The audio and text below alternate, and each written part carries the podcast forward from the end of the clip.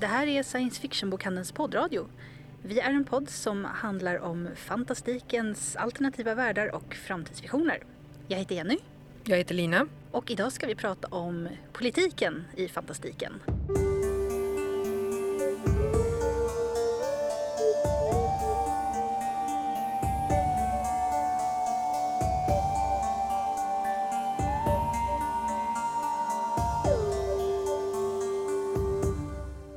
Vi börjar så vill jag bara som vanligt tala om att eh, om ni har frågor eller synpunkter så är det bara att mejla till oss på podd sfbok.se, podd med 2D. Eh, eller ta kontakt med oss via Facebook eller Instagram där bokhandeln finns. Så skicka de frågorna vidare till oss i podden. Och om ni, om ni vill så får ni jättegärna betygsätta oss där ni lyssnar på poddar för det hjälper oss mycket. Ja, ska vi prata om all politik i fantastiken då? Ja, bakgrund lite här är väl att vi tyckte att man borde prata om politik och, och jag kände väl spontant att det här känns som roligare politik att diskutera än den som pågår för resten av världen. Ja, precis. Vi tar den som inte är på riktigt. ja, det, känns kändes, bättre. det kändes eh, Lite mer avkopplat. ja, mycket mer avkopplat eh, ändå. Så avkopplat som politik nu kan vara. Ja, precis. Ja, det är inte som att fiktiv politik inte kan göra folk fruktansvärt upprörda Ja, i och för sig. framförallt i, i, i diskussioner om tolkningsföreträde om vad någon på 1800-talet egentligen menade. Ja. Till exempel. det, kan bli, det, kan bli, det kan bli dålig stämning då. Vi ska försöka ha bra stämning känner jag. Ja, ja. Jag, jag vill ha bra stämning. Vi pratar rolig politik. Eller? Jag vet inte. Jag Vi får har, se hur roliga vi blir då. ja, jag har desperat försökt säga till folk vi ska prata om politik i litteratur och alla har sagt så här, va? Och jag har försökt säga men det blir roligt. Vi kommer, vi kommer göra roligt. Det, det kommer bli jätteroligt. Det kommer bli roligt. Ja. För oss i alla fall. Inledningsvis, det, när man pratar politik så finns det ju ett antal distinktioner att göra. Ja, precis. Det är ett ganska allmänt begrepp. Vad menar man när man säger Ja. politik egentligen? Egentligen, och vi pratade väl om skillnaden mellan politisk litteratur och politik i litteratur. Mm. Eh, Där kan man ju spalta upp det på en gång. Ja, eh, typ. kommer vi väl sen kanske fram till. Men, men eh, det finns ju, och när vi pratar om politik i litteratur så är det ju mer någonting som jag ofta tycker är intressant. Och det här kan ju vara min statsvetenskapliga bakgrund. Men jag tycker oftast det är intressant att se hur de har byggt upp statsapparaten. Vilket Mm. ofta är en stor och viktig del som i science fiction och fantasy ska finnas men ska inte ta över. Det där är en fin balansgång som inte alla lyckas med. Det är ju som med världsbyggnad i allmänhet. Den ska ju finnas där och kännas naturlig utan att det ska bli... Och inte för förenklad. Nej, för det kan ju också bli provocerande. Ja. Den, den ska ju finnas där och sen så kan man ju... En av mina absoluta favoriter som jag faktiskt oftast tänker på direkt av någon anledning, inte den här gången men, men den slog mig när jag funderade över det här. Det är ju faktiskt um, Discworld. En av de saker som jag alltid tänker på är Terry Pratchett, eh, Discworld-serien som är både politik i litteraturen och högst politisk litteratur onekligen. ja, han är en författare som verkligen gör både och. Ja, För eh, han har ju ett tydligt underliggande politiskt eh, budskap ja, i allt han skriver. Men det- det handlar ju ofta om politiska situationer också i själva berättelserna. ja. Och mest tydlig är det, det är ju eh, Nightwatch. Eller Jingo. Eh, Jingo, absolut. Men även Nightmare. Där tänker jag alltid på um, The Patrician i An- Ankh-Morpork. Jag kan aldrig uttala de här grejerna. eh, Det hjälper att eh, om man har tittat på den tecknade serien, eller någon av tv-serierna, men jag älskar ju de här gamla tecknade serierna så jag säger ju Ankh-Morpork. Ankh-Morpork. Eh, jag har lyssnat mycket på den för det finns just en uppläsare som är fantastisk. Ja. Men där Ja. finns ju den här Patrician som säger att um, eh, statsskicket är the one man, eh, one vote and he was one, one man and he had one vote. Ja. Fantastiskt.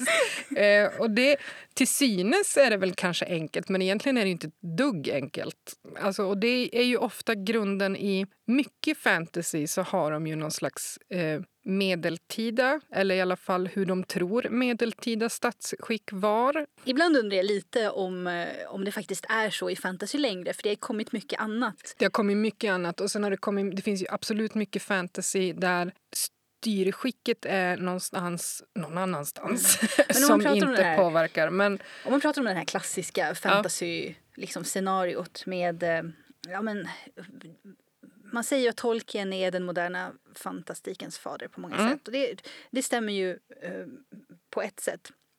Eh, men jag, jag tror att folk glömmer lite att han ändå eh, hade en mycket mer mytologisk approach i sitt skrivande. Mm. Om man tittar på ja, men den, den klassiska, det man tänker på som det klassiska fantasy-scenariot så är det ju en slags engelsk medeltid eh, i ett feodalsamhälle. Jag brukar ju säga pseudomedeltida feodalsamhällen. Mm. Eh, för att det är, det är vanligt i alla fall.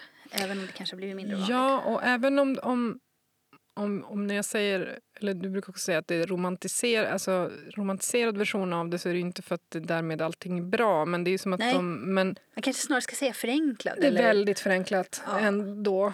Men, Men också folk har ju sin bild av hur det ska vara och den, den kommer ju ofta också från fiktion. Ja, och det andra är ju inom fantasy är ju det här också väldigt vanligt och det är fortfarande väldigt vanligt med de här um, court intrigues. När Mm, någon, mm. Det är ju otroligt vanligt förekommande eh, också. Jag tänker väl väldigt typiskt i det, det är ju Gormenghast Murphy Peak, tror jag det är, som har skrivit den. Eh, som är väldigt typiskt med hovintriger och, och det blir vanligare och jag tycker det kommer ut såna böcker hela tiden just nu. Jag vet inte om jag inbillar mig, men jag tycker, och jag gillar ju dem, Mm. kan tilläggas. Jag är ju, har ju haft, vi, vi brukar säga i, i min familj att vi får en osund besatthet för någonting och det, det kan variera i- över period vad man har. En av mina osunda besattheter var Tudor-eran. Ah, ja. Jag har i praktiken läst allt. Vad tyckte du om tv-serien Tudors då? Ja, den var, den var bra. Den Ja. var inte helt fel. Eh, däremot så kom det en film för inte allt för länge sedan som heter Mary Queen of Scots. Så den var så fel så jag höll på att få hjärnblödning när jag satt och tittade på den. Eh, bra skådisar. Ingen aning om vart de hade fått sin.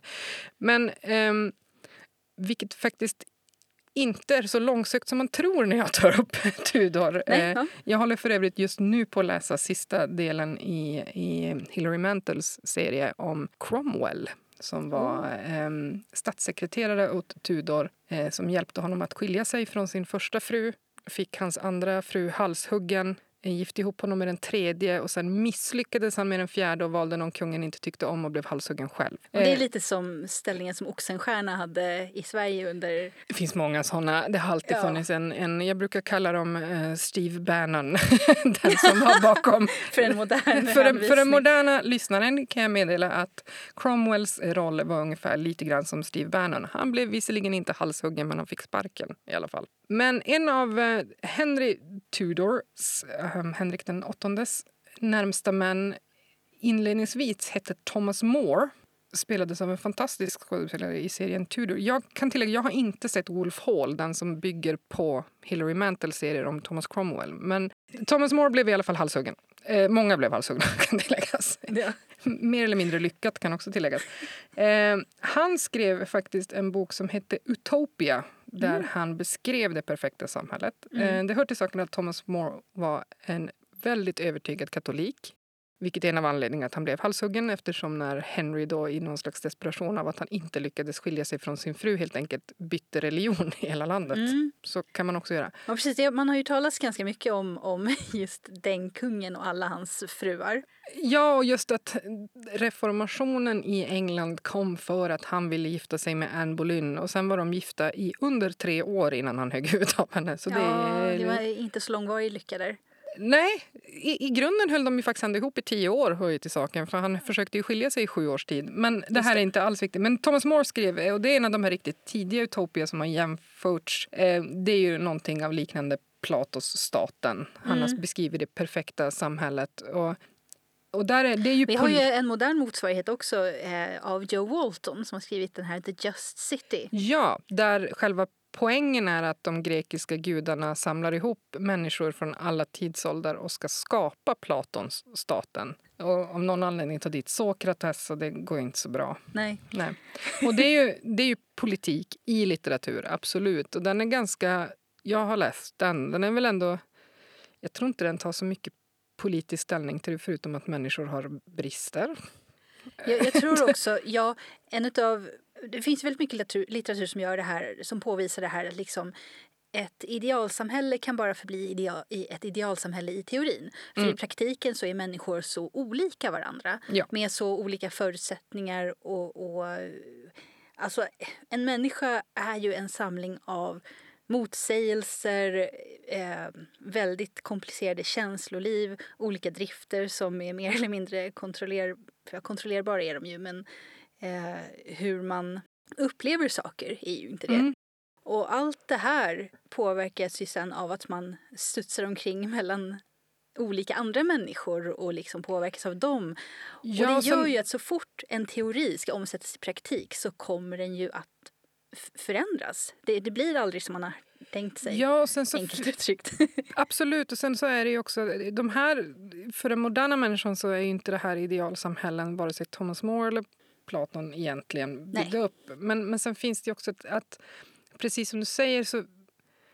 Det här är ju då när man, när man försöker omsätta politik i praktiken litterärt. Mm. Att så här skulle det här samhället fungera. Men mm. igen är ju utgångspunkten också skribenten själv, vilket värde mm. de har. Mm. Och det finns ett annat exempel som, som, som jag kommer att tänka på när vi pratar om det här med. Eh, jag tycker jättemycket om Becky Chambers. Hon skrev den här uh, Long way to a small angry planet. Jag kommer inte ihåg vad den andra hette, men den tredje heter Records of a spaceborne few. Mm. Som handlar om det här skeppet generationsskeppet där människorna då har blivit välskickade. Mm. Eh, själva grunden till mänskligheten på något sätt. Eller de få kvarvarande är väl den andra. Och där har de byggt upp ett samhälle på det här skeppet som går ut på att alla ska ha lika. Det ska inte finnas nåt. Och någonstans så finns det en grundläggande naivitet som hon har utgått från där hon säger att i och med att allting är så jämställt så finns inget brott. Och man blir så här, fast alltså, materiella ting är ju inte själva grunden till att folk inte beter sig som rövhål, rent ut sagt. Otroligt Nej. förenklat och i, i bryska ord. Så ja, är jag ju, kanske, vi kanske men, förolämpar fans av den här boken men jag tycker ju att den var lite väl förenklad. i... Ja, alltså det, det, det utgår från det här grundläggande att om, om, om folks materialistiska behov är tillgodosedda så är de nöjd. Medan man på något sätt släpper hela de här mellanmänskliga interaktionerna mm. som kan vara grund till ganska mycket problem som ja. är helt utanför det materialistiska behovet.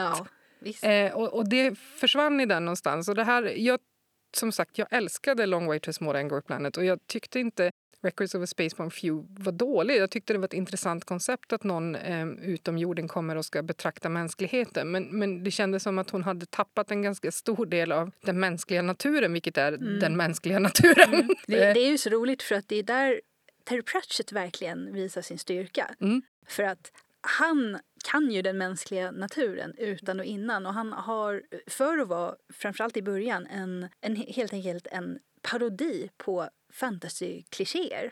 Mm. Framförallt så är de första böckerna väldigt mycket Dungeons and Dragons parodier och Conan Barbaren parodier. Men eh, han blir mer och mer, det handlar ju mer och mer om samtida politiska fenomen ju längre fram i serien man kommer. Eh, men det som alltid står i centrum i hans böcker det är ju karaktärerna och hur de fungerar som mm. människor eller som odöda eller vampyrer eller, eller vad man nu råkar vara för någonting.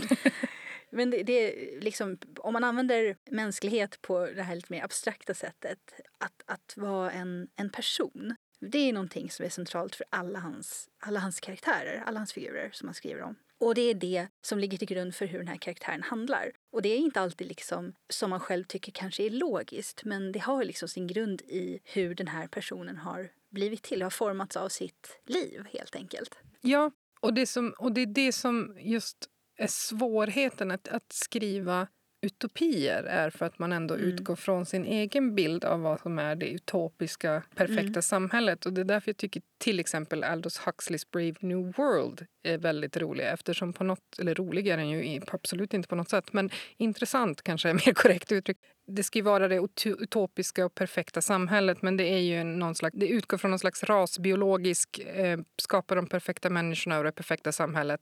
För karaktären i boken så du beskriva det, alltså det är det utopiska samhället men för den som läser är det ju uppenbarligen ett dystopiskt samhälle. Just det. Och det, det är ett tydligt exempel då på en författare som har ett politiskt budskap ja. från eh, vad ska säga, det, det doilistiska perspektivet, alltså från författarperspektivet. Det här är inte bara det handlar inte liksom om en politisk situation bara i själva boken utan det är liksom författaren tänkte jag har det här syftet med att skriva den här boken. Mm. Jag vill framföra det här budskapet väldigt tydligt och då, där har vi verkligen det här medvetna Ja, det- sättet att skriva på. Precis, och de människorna får någon drog och grejer för att hållas på plats. Ja, det här är så intressant för det, den, 1984 är ju så otroligt lik eh, Karin Boyes Kallocain. Det är väldigt likt, ja. Eh, Men hon skrev ju den flera år innan 1984. Mm. Vilket eh, jag tycker det är så, så intressant att båda de här författarna hade samma idé. Alltså så otroligt lika idéer samtidigt. Ja, och mycket av det här kommer ju sig från att Aldous Huxley hade utgick ifrån det kapitalistiska, sitt, sin avsky för kapitalism, mi- tror jag i alla fall. Så Mm. tolkar jag det. Ehm, Jag, under, när jag var väldigt aktiv politiskt så läste jag de här. eh, Brave New World 1984, Fahrenheit 451, Boye, Mm. Kallocain och de här. Och de rör sig ihop i mitt huvud. Men, men någonstans så finns ju Aldous Huxley är ju det kapitalistiska, att den perfekta människan medan 1984 är mer det kommunistiska mardrömmen. Ja, det är här kommunistiska övervakningssamhället. övervakningssamhället. Och även Kallocain är ju absolut det. Ja, verkligen. Inte bara övervakning också, för Kallocain, eh, där är ju drogen som han... Leo Kall har ju uppfunnit den här drogen. Sanningsserumet. Ja, nej, det är inte ett sanningsserum, utan eh, för det är 1984. Det är inte jag precis, Ja, de är väldigt lika De är väldigt lika varandra. Och det är Men 20 år sedan jag läste dem allihopa så- samtidigt. eh, det, det, var, det var inte så länge sedan för mig, det är därför jag kommer ihåg det Mm. bättre antagligen. Men i Kallocain så har ju Leo Kall har ju uppfunnit då det här medlet som kallas för Kallocain. Som helt enkelt tar bort känslor. Det gör att man inte kan känna kärlek eller starka känslor överhuvudtaget. Eh, faktum är att eh, den här filmen Equilibrium, Equilibrium, jag tänkte också på den. på den. Ja. Den är inte så lik boken. Jag har men har ingen ju minne tagit- av martial art i Kallocain. Nej, Eh, till exempel. Den är väldigt eh, framträdande i, i Equilibrium. Men ja, det är ju väldigt, där är det också att de får ta för att ta bort känslor, för känslor leder till förräderi. Precis, alltså de, har ju, de har ju kommit fram till att eh, känslor är det som får människor att begå våldshandlingar Mm. och begå liksom, eh, brott mot varandra. All brottslighet, all mänsklig ondska härstammar ifrån känslolivet. Så att eh, eh, personen som uppfann det här, då, Leo Kall, han hade ju väldigt goda avsikter för han ville ju skapa fred i världen. Mm. Vilket han på sätt och vis har gjort. Men till vilket pris? Och det är här som man ser Karin Boyes budskap. Kan ju tilläggas att hon var en fruktansvärt deprimerad människa. Som, Ja, hon tog livet av tog sig livet till av slut. ja. Eh, fantastisk poet. Jag älskar fortfarande. Ja, eh, ja Även Kallocain tycker jag är jättebra. Ja. hennes, eh, hennes position i, i den svenska litteraturen är helt klart förtjänad. Hon är Oh, ja. fantastisk. Karin Boye skrev den här boken 1940. Eh, och då hade ju mycket teknologi börjat komma.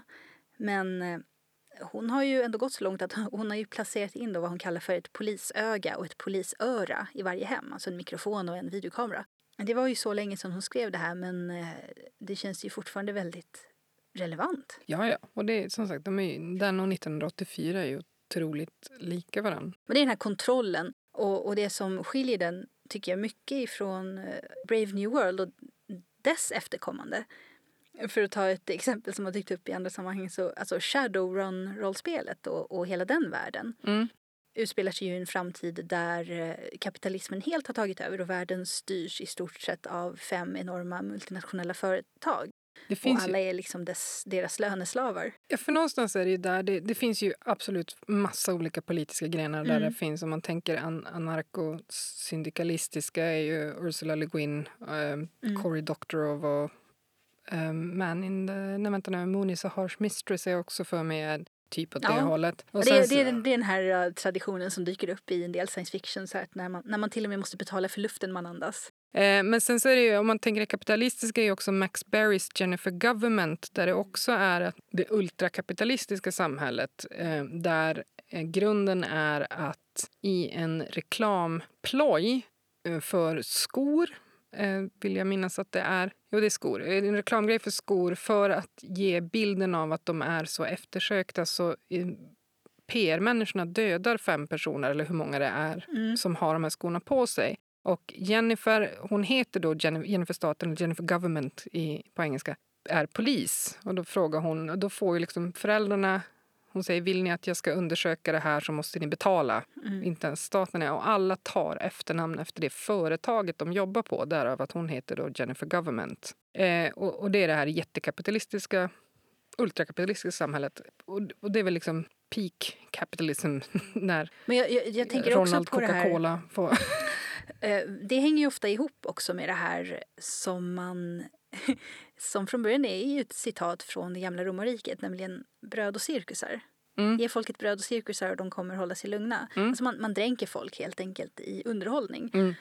eh, så att de slutar tänka. Det här är ju någonting som eh, Stephen King också gör väldigt eh, läskigt i sin The Running Man. Mm. Där eh, dokusåpor, eller vad man ska kalla dem för, eller Mm. Ja, det är något sånt. tävlingar där, som har gått liksom så pass långt så att människor dör i dem som underhållning. Men där är det ju också Battle Royale är ju ett eh, exempel Jo, ja, på det. När, ja. de, när de tar ut jobbiga skolklasser som får kriga mot varandra. Mm. Eh, och sen kom Hunger Games som också är... Mm. Och det, de Eh, bygger väl den- på samma premiss va? Ja, det är Battle, Battle Royale. Royale. Och, och nu hävdar hon att hon aldrig hade talas om Battle Royale innan hon skrev Hunger Games. Jag är fortfarande ja. hysteriskt Den är skeptisk till det. Ja, det är väldigt, väldigt likt. Eh, där man gör eh, i uppfostrande syfte gör våldsamt nöje Ja. i stort sett. ja, de säger ju att det är uppfostrande syfte men som sagt, det här är ju också i fiktion och som man tittar på typ gamla romarriket så är det ju, de använder ju det som en kontroll. Liksom. Absolut. Att underhåll folket så blir de mindre benägna att göra uppror. Mm. Själva, själva grunden i det här är ju att även om vi gör den här åtskillnaden mellan eh, politik i litteratur eller politisk litteratur så är det oftast samma sak. Alltså, Ja, precis. Vi började finns- med att säga att Ja. vi skulle skilja på dem men sen tycker jag inte att, riktigt att vi har lyckats med Nej, det. och jag, jag tror inte ens jag egentligen tyckte att man kunde göra det, men på ett sätt. Därför att det finns, det är någonstans så utgår man ju från, från sina grundläggande värderingar när man skapar och huruvida man gör någonting lyckat av det när man vill ha om man tänker Max Berry gör ju inte det här ultrakapitalistiska samhället för att han tror på kapitalismen utan för att visa varför den är absurd. Men det finns ju författare som eh, påstår sig inte vara politiska eller som inte medvetet eh, säger att de har ett politiskt budskap. Om man tar ett så pass känt exempel som Game of Thrones till exempel så, så tror jag att många tittar på den och bara tänker på då den eh, politiska situationen i själva verket, i tv-serien eller i böckerna, vad man nu har valt att, att läsa eller se. Eh, och, och inte liksom tänkt att det kanske finns ett budskap i allt det här. Ett annat budskap än att ja, titta på den här intressanta konflikten. Mm. Och det finns det ju många böcker och berättelser som gör. Det, det kan ju fortfarande finnas ett budskap underliggande men det kanske inte är så uppenbart som i en del Nej, nej. Alltså, Joe Waltons The Just City eller för den delen Terry Pratchett är det ju Mm. svårt att missa att de har en, en politisk agenda helt Mm, enkelt i mm. det de, det de gör. Eller Mm. Cory Doctorow är ju också till exempel väldigt uppenbar. Både i, om man bara tar det exemplet som jag läste senast, eh, Little Brother som handlar om kontrollsamhälle och övervakningssamhället och, och de här grejerna. Så, så att d- där finns det ju inget, inte att de försöker dölja att jag försöker påverka vad ni tänker om saker. Eller för den delen 1984 eller någon av dem där är också jätteuppenbart Mm. politiska. Eh, men sen finns det mycket som uppfattas som nöje. Men börjar man tänka efter så inser man att det finns alltid... Och det kan vara både medvetet och omedvetet från författaren, Mm. tror jag. För någonstans tar de ju avstamp i sin egen verklighet och kanske ser saker som uppenbara. Så här är det ju, fast det finns något ja, politiskt i det ändå. Mm. Jag tror inte det finns helt opolitisk. Inte ens barnböcker, när man börjar tänka efter, har, har någon slags Precis, lever i ett en- liksom, politiskt vakuum finns inte helt enkelt. Men om vi ska prata lite mer om den omedvetna världsbilden, tänkte jag. Ja.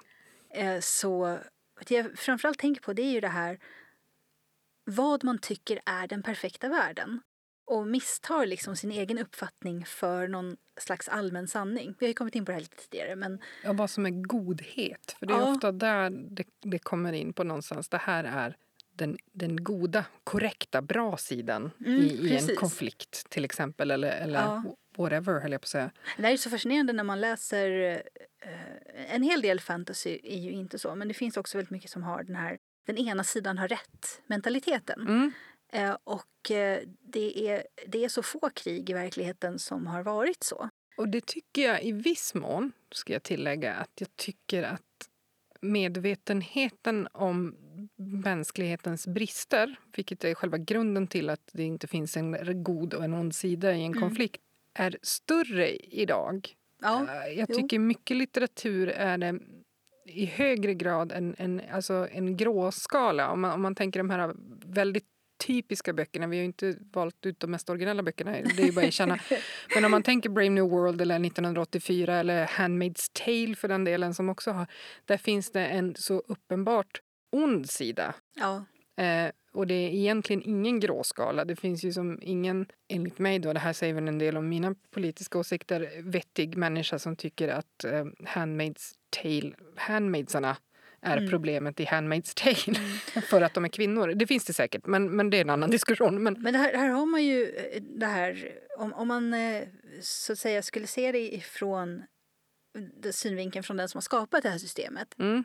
Det Vilket de funkar ju, faktiskt i viss mån gör i serien, tycker jag. Eh, I större utsträckning, för de pratar mycket om hans fru. Hon var ju en av dem som var med och skapade det. Men ja, förlåt. Mm. eh, så systemet funkar ju om man ser kvinnor på ett visst sätt. Om man Ja. tänker att men, eh, om man är helt övertygad om att till exempel kvinnor är inte människor på samma sätt som män är Mm. så funkar plötsligt ett eh, system som är helt absurt om man inte har den uppfattningen. Det är det vi har liksom lämnat ute i hela den här diskussionen när vi diskuterar politik i litteratur och politisk litteratur. Det är ju att det faktiskt finns en, en läsare Mm. också som, som läser in. För det, där kommer ju nästa in. Det finns ju grundläggande författarens sida av det när de skriver, Mm. vare sig den är medveten eller omedveten eller vad syftet med boken nu än är. Det andra är att läsaren tar ju gärna till sig det som de tycker verkar lämpligt. Det finns förmodligen någon som läser Brave New World och tycker att det är fullkomligt briljant, inte vet jag, eller till exempel. Och har väl, men men jag, jag gjorde det underbara misstaget att i min eh, googling inför det här när vi tittade på lite olika, som sagt, allt är politiskt, det tror jag det vi har kommit fram till. Men jag råkade gå in på Flashback Forum och tittade på deras litteratursektion. Eh, och bara, där har vi ju ändå de här ytterst politiska åt alla falanger. Ja. Och en av mina absoluta favoritböcker, eller jag har så många, det där säger jag alldeles för ofta för att den ska liksom vara legitimt argument längre. Men en bok jag tycker om, kan vi i alla fall säga, är eh, Donna Tartt. Jag vet inte hur man uttalar. Donna Tartt. ja, jag vet inte heller, men jag vet vem det är. Ja. Ja, The Secret History. Eh, den hemliga historien heter den på svenska. Och jag hittade en tråd där som hette eh, Den hemliga historien och Hitler. Oj. Och kände spontant att det här kan ju inte betyda det jag tror. Nej. Det gör det, kan jag säga. Eh, Det är någon som har läst den hemliga historien och ser någonstans en Hitlerdyrkan i den. Okej. Ja, ehm, den var förvirrande, kan jag säga.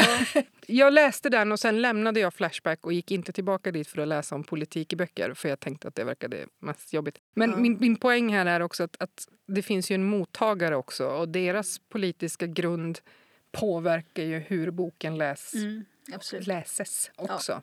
Det, Det- det gör ju att om man inte är extremt tydlig med sitt budskap så är möjligheterna för feltolkningar enorma. Alltså uppenbarligen är ju möjligheterna till feltolkningar för hur man får den hemliga historien till någon slags upphöjelse av Hitlers förträfflighet Mm. övergår mitt förstånd, tänker jag bara säga. Ja, Eh, nej, och nu vart jag inte... tveksam till att någonsin läsa om den boken. Eh, det var ett intressant resonemang. Det var Mm. långt, jag orkade inte läsa hela. Ehm, Det, det är ju så att eh, när det gäller politik och ett politiskt budskap så det är ju svårt att ta med läsaren i beräkningen för att alla läsare kommer vara så olika varandra. Och man kan, i slutändan så kan man ju ändå bara skriva det man själv har, har tänkt sig, det man själv har planerat. Ibland, det har ju kommit upp någon gång i podden tidigare vill jag minnas att jag skriver tantsnusk. För det gör ju jag. Eh, nu är det länge sedan jag släppte en bok, men, men en gång i tiden har jag gjort det. Om, om min huvudsakliga läsare är en... Och det här kan vara mina fördomar, tänker jag erkänna. Men min, min huvudsakliga läsare är i alla fall enligt min teori eh, vit medelklass amerikansk kvinna. Jag tyder det som så om jag läser mina recensioner. det här vart ju en sport för mig till slut att se hur mycket feminism kan jag trycka in i mina tantsnuskböcker innan någon reagerar. Ja. för att man kan få ganska... Romantikläsare är harsh, om vi säger så. Det, mordhot är inte ovanligt. Det är inte ovanligt någonstans online tycker jag nu för tiden. Nej, men romantikläsare har något snäppet högre i hela den här kategorin. att eh, Med sin entitlement av vad de tycker att de har rätt att få i en, en romantisk bok. Um, eller förvänta sig av en romantisk bok. Men där, där pushade jag verkligen gränserna. Liksom, kan jag ens... För att eh, en av mina kollegor i, inom skrivning, då, alltså skrivgruppen fick väldigt mycket klagomål på en bok för den ansågs väldigt politisk för att någon blev tillfångatagen av staten och torterad. Jag vet inte, det vart ett jäkla liv. Mm. eh, folk hotade mig att aldrig läsa hennes böcker mer och det var så här, okay. Men det var till slut en sport för mig att säga liksom, hur, när jag själv försökte roa mig, när jag var framåt femte boken och började bli trött på det här så mm. ville jag liksom se hur mycket feminism kan jag liksom slippra in här utan att någon av de här högerläsarna reagerar. Jag har lyckats ha med en, en uttalat feministisk karaktär som huvudperson. Och jag kom undan med det. Jag är fortfarande förvånad. Eh, men, men det här är ju det andra.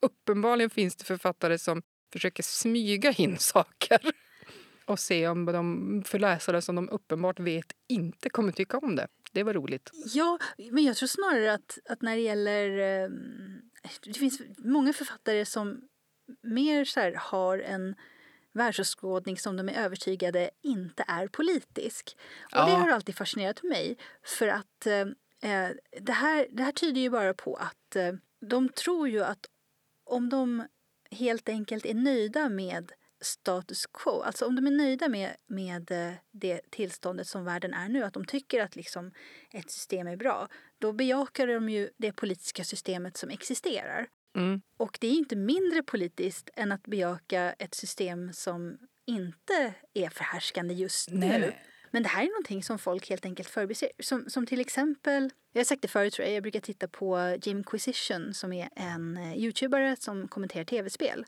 Uh, som faktiskt säger väldigt mycket intressant om tv-spelsindustrin så jag rekommenderar honom bara på grund av det den är, den är inte så bra tillstånd, tv-spelsindustrin kan jag tala om. Men i alla fall så finns det rätt många som, som säger att de inte vill ha politik i sina tv-spel. Men som ändå spelar krigsspel där man skjuter väldigt många människor på sidan som man själv inte tillhör. För det är inte politiskt. Och, och det här För krig är inte politiskt. Precis. Det, det, är ju väldigt politiskt, hela den typ situationen. Den, för att man har gränsen ju... av politik någonstans. Ja, eh, Bortre men, gränsen kanske. Men på något vis så finns det i deras hjärnor så har liksom att gå omkring och skjuta folk är opolitiskt eh, i tv-spel. Och jag vet inte riktigt hur de kom fram till den åsikten. Men den finns uppenbarligen där och den är inte så ovanlig heller. Utan det, det är mer... Det, det, här är ju den andra delen att, att mycket som, som visst vi försökte göra någon slags kategorisering här i början. Men, men, men, men, men, jag menar alltså grunden är ju att allt är politik ändå. Att, att inte ta ställning är också att ta ställning. Det är ju liksom själva grundläggande i mm. många... Eh, det, och det finns så många nivåer av det. Det är ju dels författaren och själva grundläggande och vad syftet är och sen är det läsaren, hur det tas emot. Och, och uppenbarligen då som sagt så kan man tycka att krigsspel inte är politiska alls. Mm. Men det här är ju någonting som händer... Eh, jag tänker på just när det gäller fantastik eh, så skapar man ju en ny, helt ny värld varje gång man mm. skriver en bok det kan man ju säga att man gör i vilket fall som helst. Att man, man liksom skapar den fiktiva världen som utgör just den här boken. Men i fantastiken så behöver man ju ofta göra ett helt världsbygge för man kanske skriver om en planet, ett gäng planeter eller Och det där kan överdrivas. En värld som Brandon Sanderson, jag tittar på dig. Vi behöver inte veta hur blommorna fungerar. Sorry, jag var bara tvungen att få in det. Ja, men det, det här jag tycker liksom att ja, men författaren behöver veta hur blommorna fungerar. Ja, men man behöver inte dela med sig. Men Infodumpar inte... är det värsta jag vet i böcker. Ja, men det, det är just det här, författaren måste alltid veta mer just snygga, Om ni nu ska skriva, här kommer från mig ett tips. Jobba med hur ni infodumpar. Ja, det, det är det viktigare än man tror. Gör inte som tolken, till exempel. Nej. Inled inte med 200 sidor Hobbit-historia. Nej. Det är hemskt roligt att läsa när man är typ 11-12. Eller om man inte har läst annan fantasy. Ja. Jag har all respekt för tolken. Han, han, som du säger, var grunden. Men, men det kanske inte är hans skrivteknik Nej, man ska ihåg, efterhärma. Nej, men jag kommer ihåg också när jag var i den åldern att jag bara... Jag läste ju i fantasy, jag läste ju allt, alltså alla appendix och allting. Eh, Mm. och ju äldre jag blev desto mer blev det så här, men behöver jag veta det här? Behöver jag läsa hela ordlistan i slutet? Nej. Eh, men jag gjorde det Spontant förr. nej. Och- Jag har aldrig gjort det, men jag är en väldigt slö läsare. Så det, det har nog med det att göra. Det andra jag tänkte på när jag satt och, och, och undvek Flashback-forum igår eh, var en annan sak som man, om man bara tittar på de här grejerna och politiken och dystopier och utopier och så vidare, det är ju att, att, att hoppet om mänskligheten uppenbarligen har radikalt sjunkit.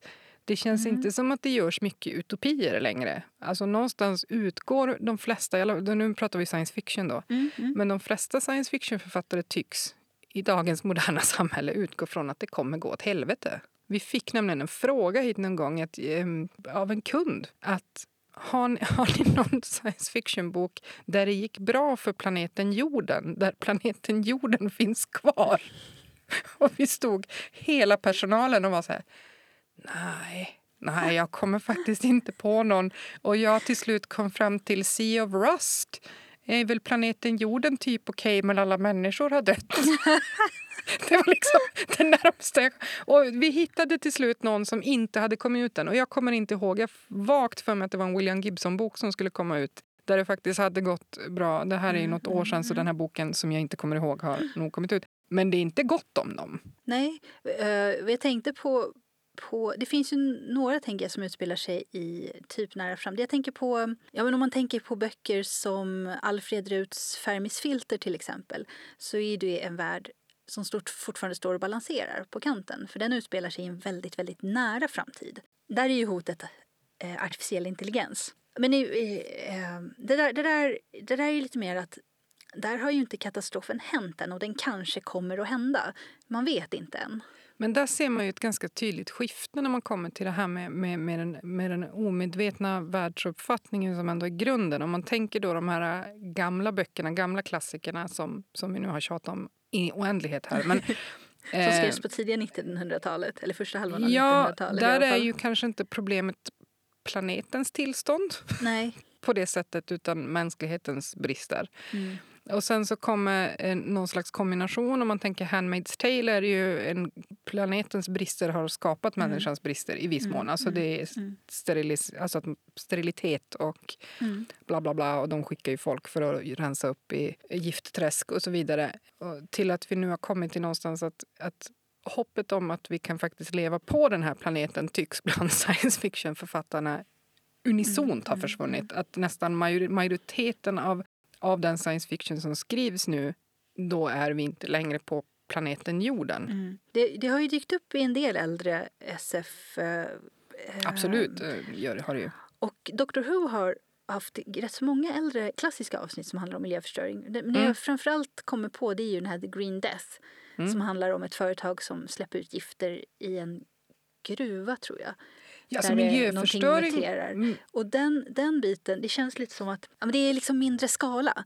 Men, Mm. eh, Ja, för miljöförstöring och, och, och dess effekter och naturens hämnd och så vidare, Mm. bla bla, det, det eh, kom ju redan i Tolkien. Alltså här, träd som slår tillbaka. Men, men, men förstörelse av naturen och att ondskan förstör naturen fanns ju med i, i Tolkien.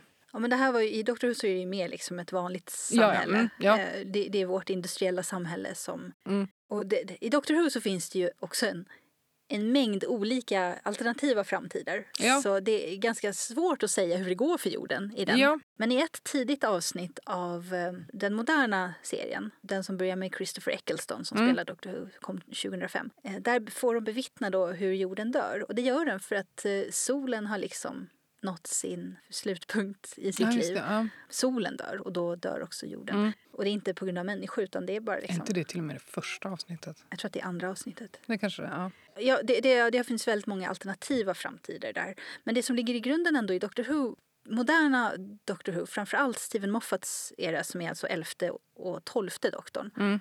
det är att eh, han har en ganska positiv människosyn. Mm. Människor begår misstag och kan göra hemska saker. Det, det är lite Pratchett-känsla på det hela. Mm. Att eh, ja, det finns ju absolut likheter. man kan förvridas liksom av miljö och omständigheter. Och en del människor är liksom skitstövlar, så kan det bara vara. Men i allmänhet så kämpar människor efter utveckling och drivs mycket av nyfikenhet och eh, ganska positiva driv- drivkrafter. Även om det ibland liksom kan leda till att man gör något Ja, man inte borde göra. Nej, och det, det, där, det, det jag menar det är bara breda drag av hur det känns. Men, men, Jag men tror snarare att det är en, liksom en trend som är nu, alltså precis nu i våran nutid, att eh, folk blir påverkade av att världen ser ut som den gör. Absolut. Men det, och det, det är det som är själva poängen på ett Mm, sätt. Att vi, mm. vi har någon slags utgångspunkt i vår verklighet när vi beskriver Mm. framtiden. Så är det. Det, det, är väldigt, det har ju dykt upp i lite andra avsnitt också, men det är väldigt svårt att skriva fantastik som inte handlar om en själv och den värld man själv Ja, lever ja. i. Och det är mycket av sporten med att skriva bra böcker är att göra det så subtilt som möjligt. Ja. Tror jag. Men- Men det är också svårt att skriva liksom mot sin egen övertygelse. Och Ja. har man den här uppfattningen om att eh, en viss typ av system är bra då eh, kan man inte riktigt framställa det som någonting dåligt, som ett budskap i ett, i ett fiktivt verk. Jag tycker ju på många sätt att, att det här är bra för det leder ju till att man, man kan läsa väldigt många olika visioner. Mm. Både när det gäller liksom fantastik och när det gäller eh, annan litteratur. Ja, en, en del av det är ju, alltså, eller det är en del av att vara en uppmärksam läsare, eller hur man ska säga, att på något sätt tolka in vad syftet med det man läser ändå är. Alltså, Det är Mm. klart att det finns böcker som inte har något som helst politiskt syfte. Jane Austen är ju ett fantastiskt exempel på det, som kan skriva böcker där soldater nämns utan att kriget de faktiskt är engagerade i överhuvudtaget reflekteras över av damerna som försöker gifta sig. Det, det är ju en extremt på ett sätt opolitisk värld som är helt frikopplad från den verklighet hon levde i. Men ändå politisk fri- på helt- sitt sätt. Helt frikopplad ifrån liksom de geopolitiska händelserna. Ja, men som sagt, det är... För det, det här är ju det, det, det som är så... Det är en väldigt begränsad värld som hon skriver om. Ja, Det är ja. bara hennes precis närmaste omgivning. Mm. Och, och därför så, så ser man ju hur... Alltså det är ju en väldigt bra bild av, av hur livet såg ut för just hennes Mm. samhällsklass under den perioden. De är väldigt glada för att det kommer soldater för då kanske de hittar någon att gifta sig med. Men, med. Men, Ja. men det finns ingen reflektion över det bara för det helt plötsligt är så fruktansvärt mycket soldater i England. Nej. Eh, Det, Det, det liksom, framkommer inte ja. alls. För det är ju i, i och för sig en av, hennes- en av hennes böcker som heter um, Övertalning.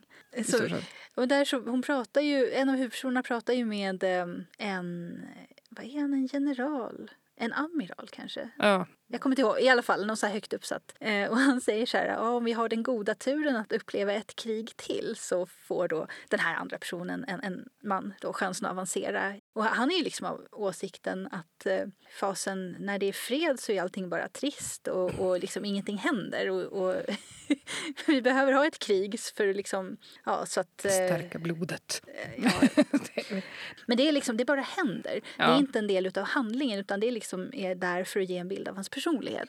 Ja, och sen finns det ju en, en kanske en av anledningarna till att nu är, tycker, det hör till saken att jag tycker jättemycket om Stolthet och fördom. Eh, Ja. Det, det är en bok jag läser med jämna mellanrum. Men Framförallt är den väldigt rolig tycker jag. hysteriskt rolig. Hon är, Hon är- jag vet inte om den är menat att ska vara så rolig, men, men det är roligt i alla fall. Jo det ja, tror jag. Ja, ja, jag hoppas det. Men, men, ja, men hon, är, hon är väldigt eh, kvick. Hon är eh, väldigt med- bra på med- att beskriva andra ja, människor. Och med övertalning så har hon, med den boken så förstår jag att hon själv förstår humorn i sina egna böcker. Men, men en del av, av anledningen till att det är en klassiker kanske är också för att det på många sätt inte är så rotat i den tid hon skrev i. Alltså det är ju en bok eller en serie eller ett skämt eller vad som helst har ju lättare att överleva om det har mindre med, med samtiden och mer med personligheter att göra. Det är här man ser, man ser extremt tydligt i hennes böcker. Att folk är folk oavsett tid och, och, Och därför blir de ganska tidlösa på sitt sätt. Eh, extremt tidlösa.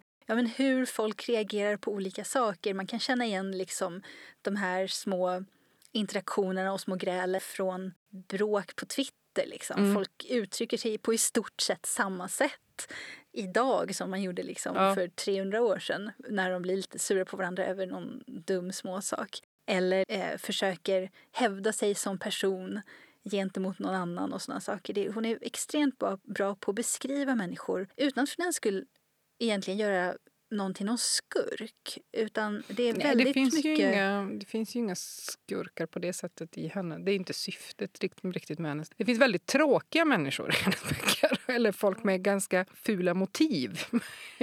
Men Ja, men som, de har sina uppfattningar.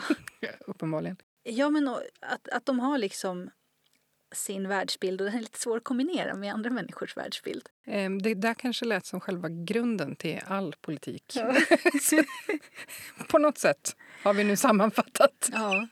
Ja, en annan sammanfattning är väl att eh, politik finns överallt och den är svår att definiera. Vilken Ja, typ precis. av politik det är. Vi gjorde ju aldrig det. Vi har inte definierat vad, vad vi pratar om när vi pratar om politik utan vi har bara pratat om olika sorters politik. Men jag tror det är där man hamnar faktiskt någonstans. För att eh, först, först känns det som att ja, men politik är litteratur. Vad har vi för böcker att prata om då? Och sen så börjar man stå och stirra i sin bokhylla och konstatera att jag kan prata om alla de här. Mm. Uppenbarligen kan jag till och med dra paralleller mellan den hemliga historien och Hitler. Jag Mm. menar, då har vi, någonstans finns det väl någon sån regel att tar man upp nazisterna, Då nazisterna har man förlorat Då har man förlorat. Ja. Ja. Så är det. Men då har vi gjort ett program helt enkelt utan definitioner men med en massa funderingar. Ja, Men ja, det var allt för den här gången. Vi är tillbaka igen om två veckor.